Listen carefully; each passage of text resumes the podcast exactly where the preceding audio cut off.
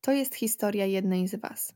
Posłuchajcie. To była moja pierwsza ciąża, trzymana w tajemnicy. W dniu, kiedy dowiedziałam się, że jest już martwa, mieliśmy mówić o wszystkim rodzinie. Wyniki badań miałam książkowe.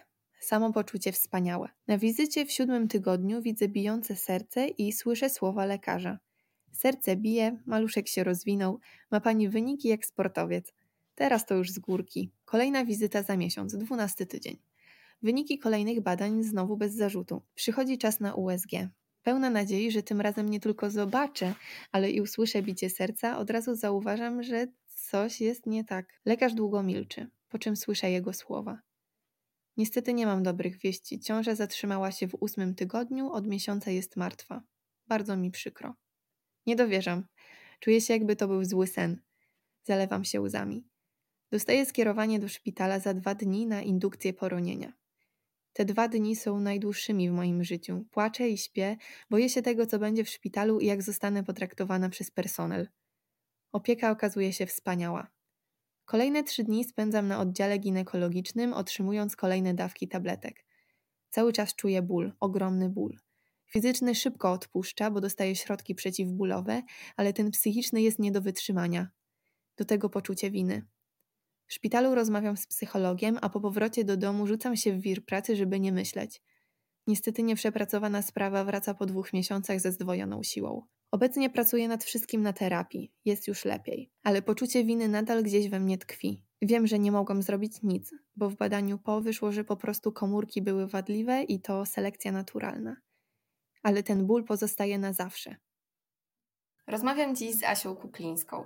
Asia z wykształcenia jest psychologiem i położną. Cześć Asiu. Cześć. Chcę poruszyć dziś z Tobą temat poronień. Yy, I moje takie pierwsze pytanie to z kim na co dzień pracujesz? Wiesz co, ja pracuję w fundacji, gdzie zajmujemy się opieką kołoporodową, czyli i z kobietami w ciąży, i po porodzie, i jakieś konsultacje laktacyjne, no ale też jakby ten temat wpisują się poronienia czy straty ciąż, także yy, ogólnie z kobietami tam gdzieś w tych takich tematach yy, dziecięco-ciążowych. Mhm.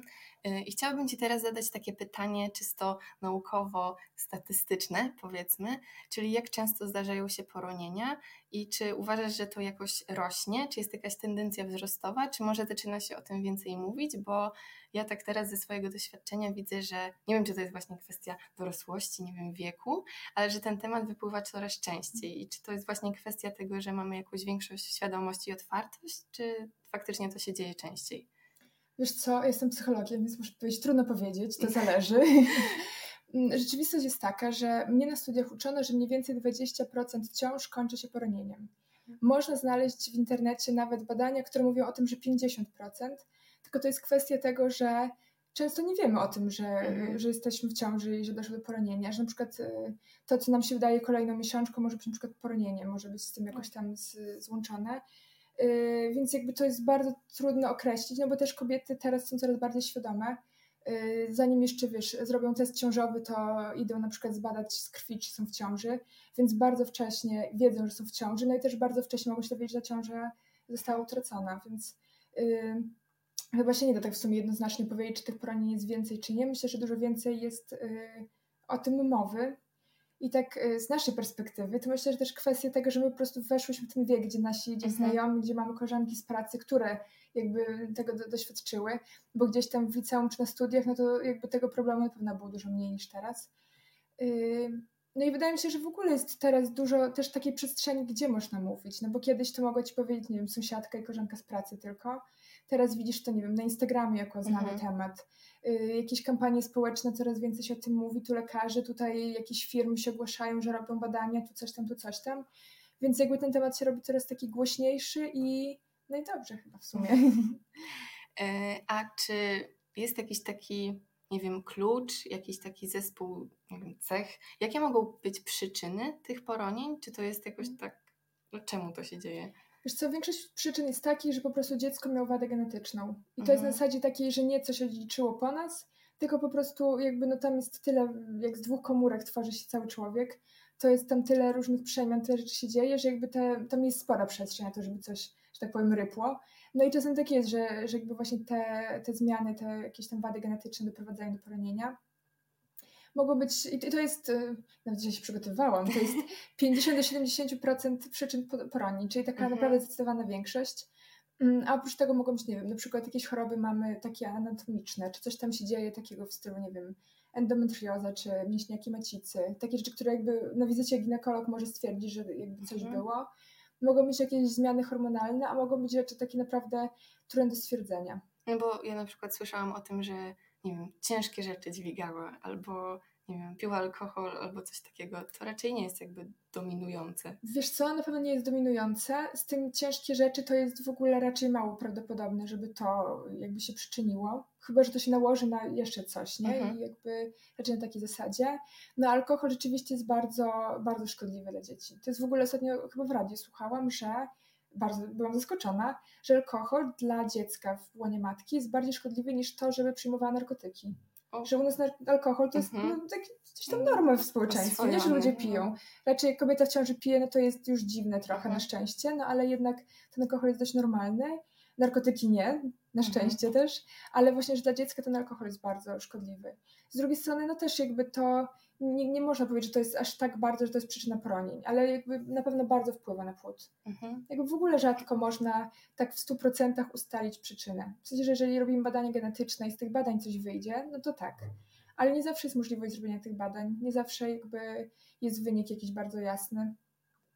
Także to, to myślę, że też jest takie trudne, że nie ma jakiegoś konkretnego winy w kimś, nie? Znaczy, no dobrze też, że nie można powiedzieć, że to jest mamy wina, bo zazwyczaj mhm. to jest też problem tych mam, że że dzisiaj właśnie tak czytałam jakieś tam rzeczy w internecie, że najczęściej mówioną mm, przez kobiety pierwszym zdaniem po poronieniu jest powiedzenie na przykład do męża przepraszam. Że tak jakby one odbierają to jako ich winę, że no one, one miały w brzuchu dziecko, więc to Mogły one coś, coś zrobiły, no. nie? No to zupełnie tak nie jest. To jest jakby kwestia tylu różnych czynników. No a co jest y, takim znakiem ostrzegawczym? Bo to pytanie właśnie dostałam mm. anonimowo, bo tak jak w tej przytoczonej historii, no wyniki były książkowe. Mm. No ale co można jakby zauważyć, co jest jakieś takie niepokojące? Czy co? to, nie wiem, poronienie może nastąpić, mm. albo coś się dzieje i ja nie wiem, mam iść do lekarza, albo... No. Tak bardzo globalnie to chyba nic. Tak naprawdę to zwracam uwagę na przykład na to, czy nie pojawia się jakieś krwawienie. Mhm. Jeżeli jesteś w ciąży i zauważysz krwawienie, no to wtedy idziesz do lekarza. Może się okazać, że to jest zupełnie nic niegroźnego, może się okazać, że to jest właśnie coś tam się dzieje już mhm. złego i trzeba coś z tym zrobić. Yy, nie wiem, jeżeli się pojawiają skurcze macicy, no to też jakby się obserwuje, że to nie jest, są jakieś takie już skurcze bliżej terminu przypowiadające, no. tylko no rzeczywiście nie wiadomo. A, czyli jeśli na początku, załóżmy, jesteś w jakiejś początkowej mhm. tam fazie i czujesz skurcze takie, jakby to miały być Jak takie... coś tam czujesz, że się dzieje, to lepiej Aha. się udać do lekarza, no. Okay. Bo jest tak, że przed samym porodem, jakby organizm mamy się już przygotowuje do porodu i się pojawiają skurcze przypowiadające, to je się obserwuje. Jak się wyciszają, okay. to spoko, jak nie, to może być rozpoczęty poród, na przykład przedwczesny. No ale tych skurczy na początku ciąży być nie powinno, więc wtedy jakby to już y, jest do sprawdzenia. A co robić, żeby uniknąć poronienia? Czy jest taka recepta? Chyba nie ma, niestety. Że to jest po prostu statystyka, jakiś taki, no jak się trafi tak naprawdę. Mhm. Y, chyba nie, naprawdę nie ma żadnej innej opcji. No dobrze jest na przykład, nie wiem, dbać o siebie.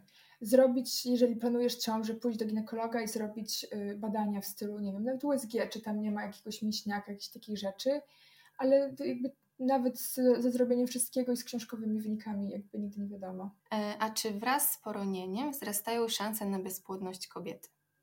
Na bezpłodność nie. Jakby to, jeżeli dochodzi do poronienia, to też pokazuje, że ta kobieta jest płodna, no bo do ciąży mhm. doszło. Y, ale tak mniej więcej, jeżeli są trzy poronienia, no to się mówi już o tym, że tutaj coś może być jakby na rzeczy, że to nie są przypadkowe.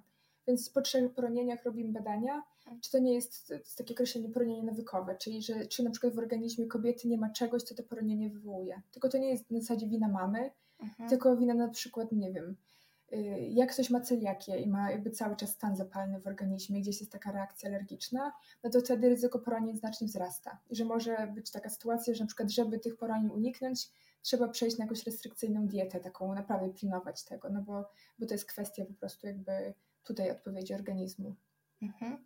A spotkałam się z tym, że po czasie, czasami nawet po nie wiem, kilkunastu latach, kobiety dopiero dzielą się albo ze swoimi dziećmi, albo w ogóle z otoczeniem tym, że no po prostu swoją historią. E, I jak myślisz, skąd jest taka blokada, jakaś taka niechęć do dzielenia się tym i właśnie tworzy się z tego takie mhm. wręcz tabu? Wiesz co, myślę, że kwestie wstydu, i takiego poczucia winy, że dopiero teraz, kiedy jakby mamy te badania i więcej się o tym mówi, no to możemy powiedzieć, że to nie jest twoja wina, że jakby mamo nic nie zrobiłaś tutaj złego, jakby to po prostu jakby to jest jakby wielka twoja krzywda, w sensie, że to też tobie się stało i to jakby tobą trzeba się zająć, a nie mówić, że to może twoja wina, że, że nie udało ci się tej ciąży doprowadzić do końca. Więc myślę, że to jest to. Po drugie, myślę, że im nam jest trudno mówić o takich rzeczach i nam jest trudno słuchać o takich rzeczach, że tak jakby mm. trochę kobieta nie wie, jak y, opowiedzieć o tym, nie wie komu, że myślę, no, że to jest taki też problem. Trochę w zasadzie też często, a dobra, to był początek, w sensie jakby słyszy a, że to, uh-huh. że dobra, nie ma co się martwić, Trochę będą nic kolejne, się nie stało. No. nic się nie stało, w sumie jeszcze nawet nic nie kupiliście, więc jakby gdzie, gdzie jest problem? Uh-huh. No i jeżeli ona takie rzeczy gdzieś tam słyszy, no to ciężko jej później powiedzieć, że ale ja mam z tym problem. Uh-huh. A myślisz, że kiedyś właśnie miało się takie bardziej no właśnie takie robocze podejście do tego, że właśnie o tym się nie mówiło, no bo skoro te historie no nie wiem, wychodzą po kilkunastu latach, nie wiem, mhm. moja babcia mogła mi na przykład mhm. powiedzieć o tym, no to czy wcześniej faktycznie było tylko takie podejście, wcześniej w ogóle się, no nie wiem, jakie było kiedyś na przykład podejście do tych poronin? Wiesz, że nie mam pojęcia. Myślę, że jakby w zależności od tego, kogo masz dookoła siebie. Kto mhm. jakby, nie wiem, jeżeli masz na przykład drugą matkę, która poroniła, masz kobiety, które nie wiem, gdzieś tam jakby znają ten temat, no to podejdą do tego zupełnie inaczej, mhm. niezależnie od tego, jaki mam wiek i w ogóle. Mhm. Y, a inaczej, jeżeli masz osoby, które jakby tak, no, no, to, no to nie jesteś w ciąży, no to koniec, no i co? Jakby już po wszystkim. Więc myślę, że teraz na pewno ta świadomość się zwiększa i też w ogóle jesteśmy delikatni na każdym punkcie, w sensie takim, że jakby mm, nie wiem, bardzo modna jest ostatnio w psychologii, ale to jest bardzo pozytywna moda, mhm. pojęcie żałoby. Że jakąś tam poczucie straty i jakąś tam żałobę możemy mieć na przykład naprawdę po takich rzeczach mało istotnych dla życia. W sensie na przykład no, w mojej działce to można mieć na przykład poczucie straty, jeżeli myślało się i planowało, że będzie się miał dziewczynka, to jest chłopiec. Oh, wow. mama się dowiaduje, nie? że ma w mhm. brzuchu zdrowe dziecko, zero poronienie, tutaj nie ma żadnego zagrożenia, wszystko ekstra, no ale to chłopiec. A ona sobie wyobrażała całe życie, że będzie miała pierwsze dziecko dziewczynkę. No i jakby ona też musi mieć przestrzeń na to, żeby wiesz, jakby przeżyć tą no, żałobę bo nie ma problemu, no, tak zdrowe to, jest w ogóle super, nie? W no. ogóle nawet, nawet więcej niż nie ma problemu, tylko jest ekstra. No dla niej jest w tym momencie jakiś problem rzeczywisty, który ona musi sobie przetrawić. No więc jakby mhm. zaczynamy już to zauważać, że to też jakby może być trudnością, no bo mamie jest głupio, jeżeli nie wie, że może, a czuje się jakby złość na swoje dziecko, że jest chłopcem i dziewczynką na przykład. I mhm. trwa to, nie wiem, trzy dni, no ale jednak czuje, że jest jakimś odszczepieńcem od świata. Mhm. No a co dopiero, jeżeli mama straciła to dziecko, nie? Nawet jeżeli, nie wiem, to by nie była ciąża planowana, yy, to nie było tak, że ona się jakby nie mogła doczekać i tak dalej, i tak dalej, no to jednak ona już miała to dziecko, już się z nim w jakiś sposób choć trochę związała. Mhm. Więc jakby ten, ten czas żałoby też jest tam potrzebny bardzo. A jak rozmawiać z taką bliską nam osobą, która to dziecko straciła? Bo no ja mam takie doświadczenie, że no nie wiem, mhm. Bo no możesz się domyślać, ale z drugiej strony, skoro ktoś nie chce o tym ci powiedzieć, to też no, nie wiem, czy pytać, a jak już ktoś ci powie, no to czy wystarczy coś z tym, no nie wiem, nie wiem przykro mi? No bo przecież co te przykro robi? Mhm. Wiesz co, mi się wydaje, że tam mało jest do powiedzenia, więcej jest do wysłuchania, tak naprawdę. Że jeżeli ja mam jakieś takie konsultacje, to ja większość konsultacji milczę i słucham historii tej kobiety. Że my jako kobiety mamy dużą umiejętność mówienia, też potrzebę. I że nie wiem, opowiedzieć o ta mama może potrzebować opowiedzieć o wyobrażeniach na temat dziecka, o tym, jak się czuje, o tym, jak wyglądał pobyt w szpitalu, czy się go bała, jak była traktowana, co później w domu, nie wiem, że w pracy nie wiedziała, co ma powiedzieć, że jakby może mieć potrzebę opowiedzenia o tym wszystkim. I tutaj jakby funkcja tej osoby, która jest obok, jest akceptacja, wysłuchanie i no, akceptacja na przykład takich rzeczy, że mówi takie mało y, logiczne w stylu na przykład ja myślę, że to była na pewno dziewczynka i jakby znam ludzi, którzy mówią, wiesz, y, jakby tutaj statystycznie to jest 50% szans, że dziewczynka nie masz takiej pewności. No po co mamy tę pewność w tym momencie? Jeżeli tak czuje, to możemy wierzyć intuicji, a jak nie wierzymy intuicji, możemy to zostawić w spokoju, po prostu niech sobie tak myśli, bo jakby łatwiej jest jej pochować dziecko, które jakby tak w swojej głowie pochować, nie? Które było dziewczynką na przykład i po prostu tego potrzebuje. Y, a z drugiej strony jakby pilnować, żeby nie było takiej rzeczy w stylu ja czuję, że to jest moja wina. W sensie ona może czuć, ale ty musisz pokazać, że no jakby nie, że to nie jest tak, że to nie, nie jest, y, no tak jak gadałyśmy przed chwilą, mhm. że, że to nie jest tak, że to jest wina kobiety, że coś zrobiłaś, czy czegoś nie zrobiłaś. Na przykład, albo ja się czymś zestresowałam i na pewno to od tego, albo, albo wiesz, ja się niewystarczająco cieszyłam na tę ciążę, bo akurat zaczęłam projekt w pracy Mhm. i to dziecko poczuło, że jego nie chce na przykład. Więc jakby to trzeba to wszystko tak wysłuchać, dać tej kobiecie jakby to powiedzieć, ale z drugiej strony tak spokojnie wytłumaczyć, że jakby wiesz, że to tak nie jest, że na pewno byłabyś wspaniałą matką, że jesteś wspaniałą matką tego dziecka i że jakby wiem, wiem że jest ci trudno i tak dalej.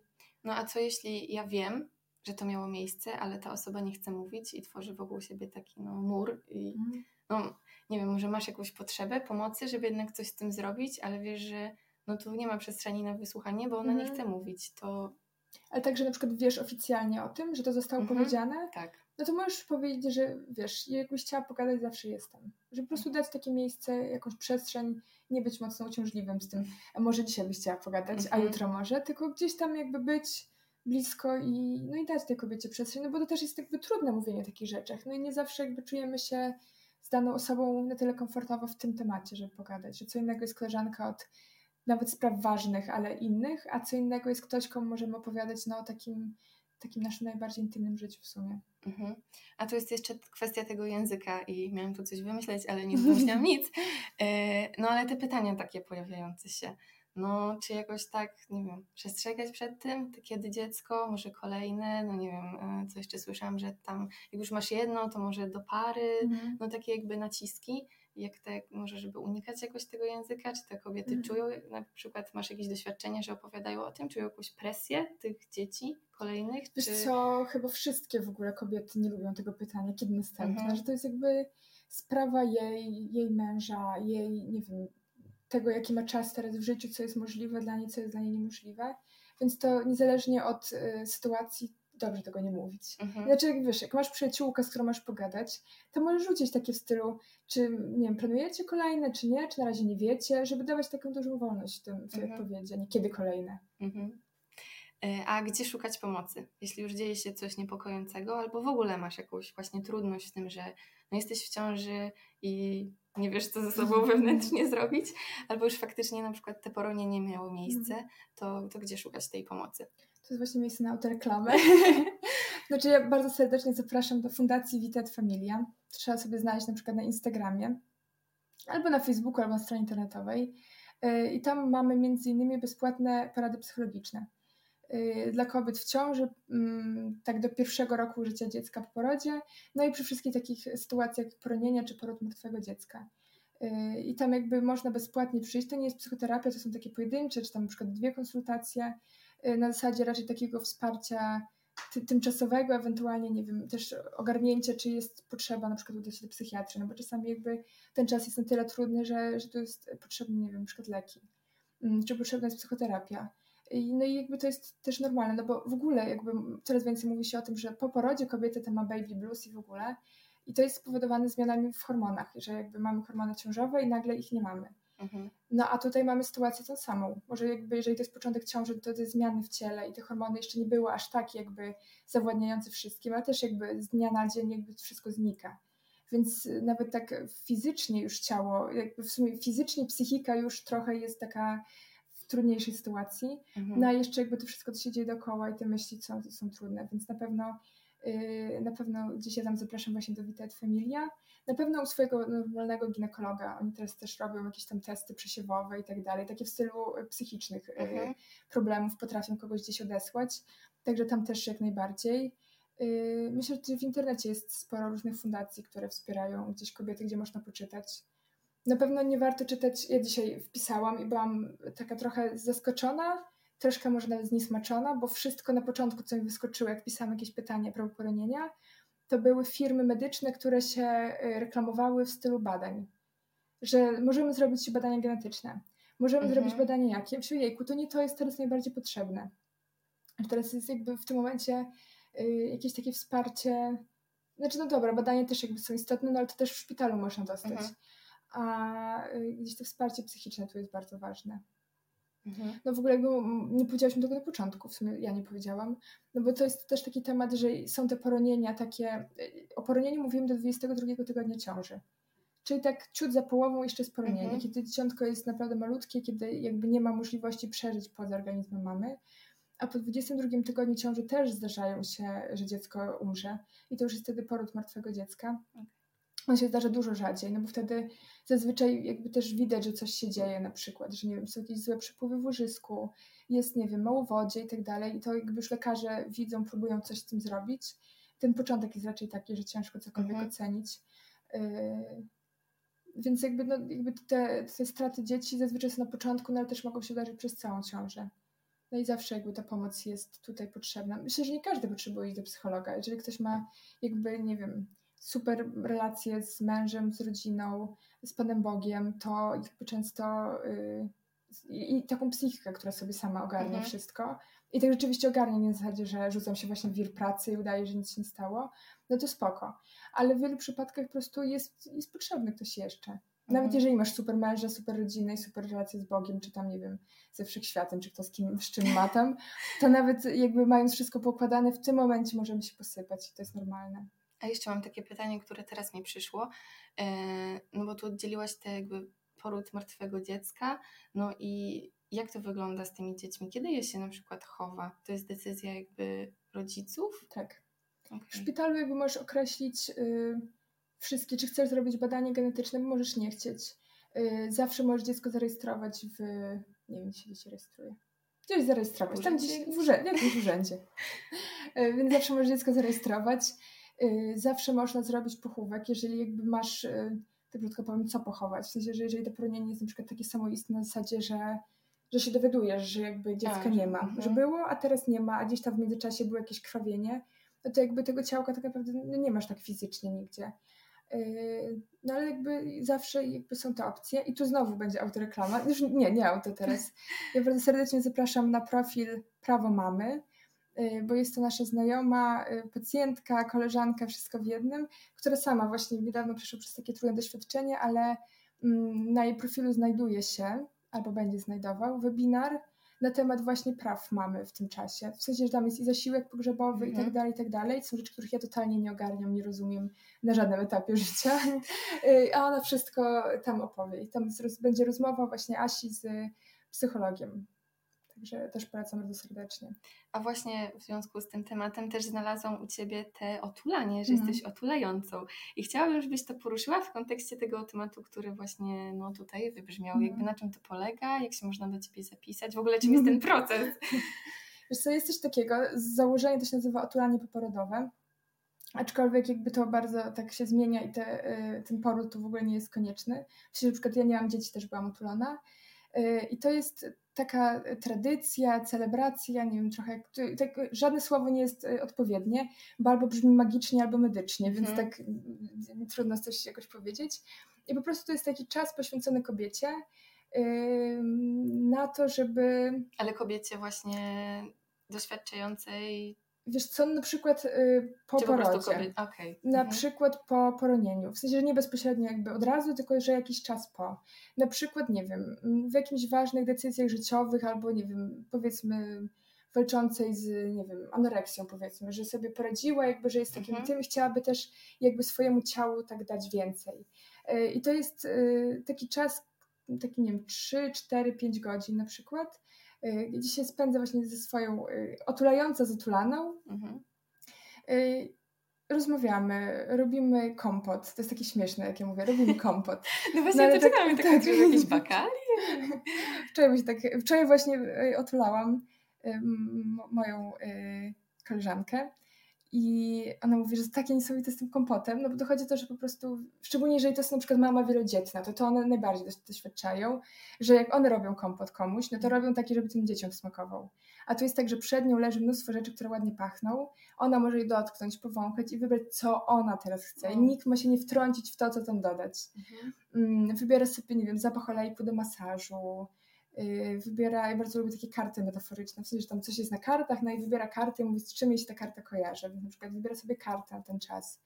Y, no i później robimy taki masaż rozluźniający, y, Później, a też jeszcze usypuje sobie obraz z ziół, w sensie, że mm. zioła, te zioła mm. można wąchać, zatykać, one mają różną fakturę. I jak ktoś jest taki mniej taki, lubiąc takie rzeczy, to sobie może powąchać, powiedzieć to, to i to i wsypać woreczek. Ale to jest fajny czas, no bo no codziennie nie wąchasz tych rzeczy. No, tak. tak. No. Ja jak byłam na tym kursie tulania, to w ogóle po weekendzie spędzonym w tych zapachach, w takim klimacie zupełnie innym niż mm -hmm. zazwyczaj, w jakiejś takiej ważności fizycznej, może tak bym mhm. powiedziała, to po prostu, wiesz, wróciłam, popatrzyłam siebie w lusterko i pomyślałam, o, ja nie jestem zgarbiona. Ja w ogóle tu mnie ktoś pomasował, to było tak przyjemnie, tak jak na skrzydłach, mm. wracałam do tego Białego Stoku później. No ale właśnie jest kąpiel w ziołach. Mm. I później w sumie jest jeszcze masaż ciepłym olejem, taki całego ciała, na przykład trwa godzinę, więc sobie kobieta mhm. leży, jest jej cieplutko, y, jest masowana, tak jakby cała jest przykryta, jest na przykład kawałek nogi odkryty, tak żeby ona się nie wychładzała i jest masowana. Y, później jest masaż chustami, mm, to znaczy kobieta leży na tych chustach, chusty są pod nią i tak jakby po kawałku jest podnoszona i rozluźniana tymi chustami. I na koniec tych chustach jest zawinięta. I się wygląda sobie jak taka gąsienica mniej więcej. E, ale to jest w ogóle, jakby założenie to było dla kobiet po porodzie i to jest trochę danie mamie tego, co ona daje na co dzień dziecku. Że mhm. się ją karmi, że się ją myje, znaczy ją myje, mhm. jakby ona się myje. Może jakby, jeżeli chce, to można sobie na przykład tam, ja mogę przyjść, umyć plecy i tak dalej, jakieś takie rzeczy, coś pomasować tam tym stemplem ziołowym mhm. i tak dalej. E, że się to dziecko olej, jakimś olejkiem smaruje i masuje, że się buja, tak jak dziecko się buja, no i się zawiązuje w jakąś chustę. Mhm. Więc y, jakkolwiek dziwnie to wszystko brzmi, tak jak to się robi, to po pierwsze wcale to nie robi się już takie dziwne, to jest jakieś takie w miarę normalnie wygląda wszystko, a po drugie ma naprawdę piękne znaczenie takie mm, i fizyczne, no bo to pomaga w kontekście po porodzie, no to na przykład pomaga y, zregenerować narządo wewnętrzne, wrócić na swoje miejsce, jakoś pobudza ciało do regeneracji, no bo to jest duże rozluźnienie, ciepło i tak mhm. dalej. Mm, w kontekście psychicznym, no to jakby myślę, że każdy może znaleźć w tym to, czego potrzebuje. W sensie, że jest takie śmieszne, ale na przykład to siedzenie w wannie to zawsze jest taki moment na myślenie. Mhm. Myślę sobie rzeczywiście, jak byłem małą, na przykład byłem dzieckiem i jak mama mi tam wsadzała do wanny, to też zawsze chciałam o koleżankach opowiedzieć tu coś tam, tak to poza tym to byłam czym innym zajęta. Ta woda jest taka mhm. bardzo taka jakaś otwierająca i oczyszczająca. Mm, więc jakby w czasie tego procesu dużo rzeczy takie się w głowie dzieje, no bo też to jest cisza, nikt nie przeszkadza, komórki są wyciszone. Gdzieś tam... A to jesteś ty yy, i ta osoba, tak. czy jeszcze jest ktoś, na przykład, nie wiem, jakieś bliskie kobiety, czy coś, że jesteście we dwie? Wiesz co, znaczy jak ktoś na przykład chciałby mieć bliskie kobiety przy sobie też, no to mhm. y, spoko, tylko że im by było nudno. No, A, to, no tak, co? No, na przykład wszystko to sobie kobietka leży, ja ją masuję i w sumie to jest cisza, ewentualnie jak ona tam sobie o czymś ze mną chce pogadać, mhm. to gadamy. No one za bardzo mają się nie wtrącać, żeby to był czas tej no kobiety, no tak. więc mogą sobie 5 godzin popatrzeć. No.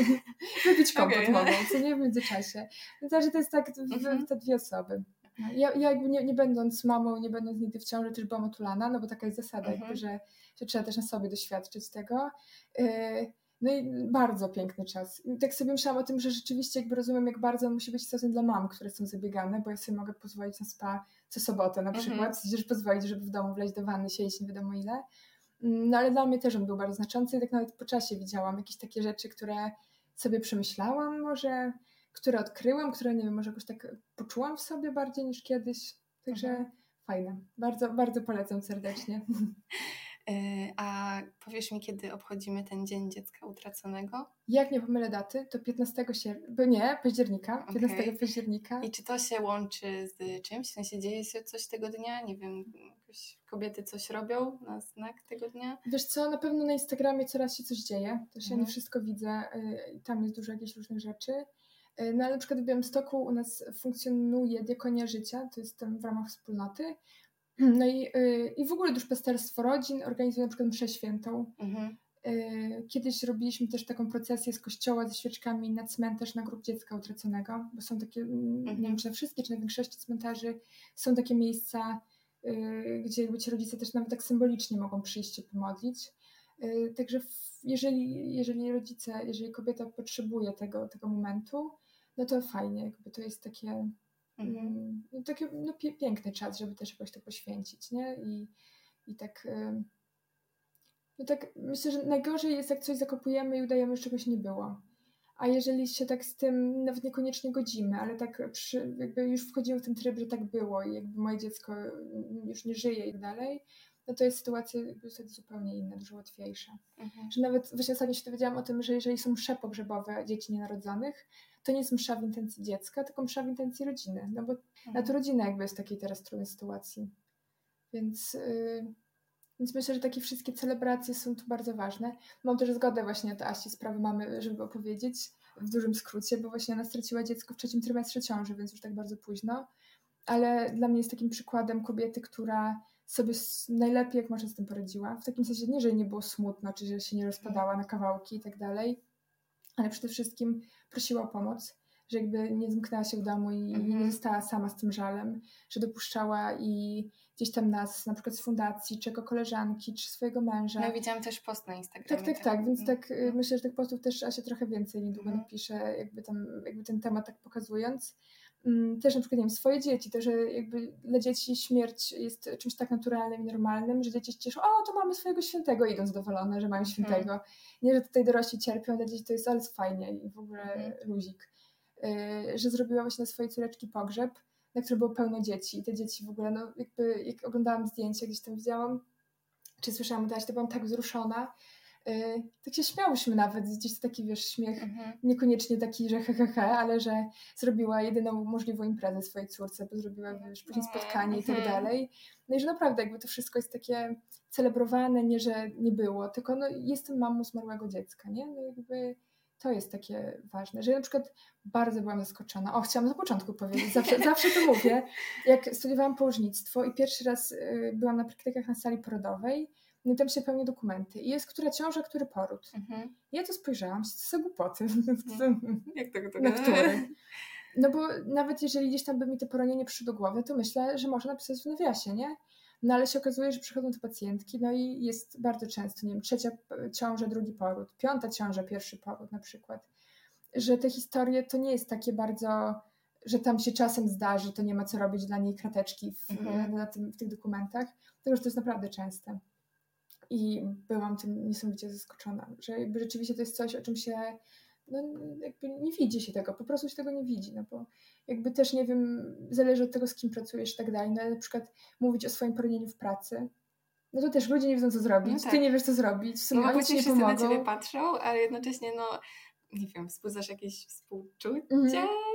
Tak nie wiadomo co zrobić. Mhm. I myślę, że my też nie umiemy właśnie, przez to, że nie ma tej takiej, może teraz jest większa taka Mhm. widoczność tego, no to właśnie, no skąd ja mam wiedzieć? Jak ja pierwszy raz na przykład Mhm. słyszę o takiej historii, bo ja nigdy nie doświadczyłam, więc nie wiem, jak mam pomóc, więc no, tak myślę, że ta widoczność jest potrzebna, ale tak zamykając już temat, to mam jeszcze do Ciebie pytanie, takie już do Ciebie, do Ciebie. Mhm. Czym dla Ciebie jest frajda? I możesz to odnieść do swojej pracy, albo możesz to odnieść po prostu do, do tego, no jak czujesz Mhm. do siebie. Wiesz co, do mojej pracy to frajdę, ja mam frajdę, ogromną mam frajdę, chociaż innego słowa bym chyba używała, bo frajda jest taka, taka w mojej głowie rozchicholona trochę, nie? Że jest takie hi, hi, hi, hi w ogóle, więc to taka hi, hi, hi, hi, na przykład jak są śmieszne bobasy. I na przykład przychodzą na konsultacje laktacyjne i nie możemy, nie wiem, dziecka przedstawić do piersi, bo ono się chicholi, bo się zdarzają takie dzieci, bo to jest coś nowe, to się śmieje, więc na pewno to jest taka hi, hi, hi, hi frajda, ale w ogóle widząc, że, y, że jakoś mogę ja trochę wspomóc te kobiety, no bo tak naprawdę jest takie fajne zdanie, które powiedział, nie pamiętam kto, ale ktoś mądry z tej takiej dziedziny Mhm. położniczo-psychologicznej, y, że wystarczy utulić płacz matki, ona się sama zajmie dzieckiem. I bardzo lubię to, że jakby ja pracuję w zasadzie tylko z mamami, ja się na dzieciach za bardzo nie znam, jakby wpływ, mogę wpłynąć na całą rodzinę, na to, Mhm. jak ona będzie, ile będzie miała siły, ile będzie miała takiego, jakiejś mocy w sobie do swojego dziecka, do swojego męża, do jakiejś, nie wiem, teściowej, co ją denerwuje i tak Mhm. dalej. Więc mam ogromną frajdę z tego, że ja robiąc bardzo mało, bo moja praca często polega głównie na słuchaniu, y, mogę jakby tyle pomóc rodzinie. Mhm. Trochę to jest takie, tak żeby mi jest głupio, bo ktoś mówi, jestem Ci taka wdzięczna, że godzinę Cię słuchałam. Nie powiedziałam nic zupełnie. Ja wiem, że jakby, ja wi- wiem, znaczy nie wiem jak słuchać, tylko że ja przywykłam do tego, że to jest norma, jak ktoś by Mhm. chciał, nie wiem, myślimy, nie, że mam słaby wkład w tą rozmowę, muszę coś powiedzieć, muszę coś poradzić, muszę coś tam, a ja wiem, że mogę na przykład siedzieć słuchać i że ktoś właśnie tego potrzebował, no ale takie śmieszne jest czasami, że ale tu się przyczyniłam. No ale mam jakby widząc jakieś takie mm, efekty mojej pracy, na pewno mam ogromną frajdę. No ale na przykład w przypadku poronień to raczej jedna rozmowa y, nie przynosi czegoś takiego, że ona powie dziękuję, już wszystko się naprawiło, Mhm, wychodzę. No to zupełnie tak nie jest. Ale na pewno te wszystkie jakieś pojedyncze rozmowy się składają na to, żeby właśnie się pokładało. A tak w stosunku do ciebie jako bez roli położnej i psychologa, Mhm. to czym jest frajda? Bo co daje ci frajdę? Ja lubię się śmiać. I lubię robić rzeczy takie, że powiem, że czuję, że żyję, to tak brzmi bardzo jakbym tu jakiś sport ekstrema- ekstremalny. Ja mój sport ekstremalny to jazda Fiatem Pandą. Ale ym, takie, że ja się czuję na swoim miejscu i z taką wdzięcznością i dużą radością, że mhm. y, od, nie wiem, jakiejś podróży po takie najdrobniejsze jakieś śmieszne rzeczy. Na przykład, o, ostatnio mogę Wam się opowiedzieć, Tobie i całej reszcie, który słyszy. Miałam taką frajdę, ponieważ mój tata, już Pan bardzo podstarzały, jak był młody, to sporo jeździł, sporo podróżował. Myślę, że tak raz w roku gdzieś tam wyjeżdżał. I on z tych podróży ma mm, taki rzutniczek jakby i slajdy, takie mhm. prawdziwe, że to jest klisza, pocięte kawałki. I ostatnio zorganizowałam z moimi znajomymi spotkanie z moim tatą Wow. I on rzucał te slajdy na ścianę, no to jakby zobaczenie mojego taty, który się tak ożywił w ogóle wśród młodzieży, tam brylował, opowiadał, wszyscy się śmiali. Moja mama płakała ze śmiechu tam miejscami. To miałam taką frajdę, że jakby to się udało zrobić. I że byłam tam, i że wpadłam na ten pomysł. I to twój tata. I to mój tata, no. Ale ja te slajdy znam na pamięć z dzieciństwa, także mnie one nie robiły na mnie już takiego wrażenia. Mm. Ale gdzieś tam też patrzenie moich znajomych na to, że takich, którzy też tam gdzieś tam lubią podróże, to myślę sobie, wow, ale to jest fajne. To to na przykład przyniosło mi ogromną frajdę, bo w sumie taką drobnostką, bo mhm. no, jakby mama tam się opinała, żebym tych slajdów nie zjadła, więc, więc jakby dla mnie to było no, moje dzieciństwo na przykład, a tutaj z kimś mogłam się tym podzielić. Okej, okay. to bardzo dziękuję Ci za naszą rozmowę, za otwartość i Twoją wiedzę i doświadczenie, że za zaufanie, że chciałaś tu być. Dziękuję bardzo również. Mam nadzieję, że do zobaczenia w wielu miejscach. Też zapraszam zawsze do fundacji, czy gdzieś tam do kontaktu, jakby ktoś potrzebował, bo, bo ja to lubię robić, więc y, nawet z tymi trudnymi tematami. Także y, ja się cieszę, a Wam mogę pomóc. O, dzięki.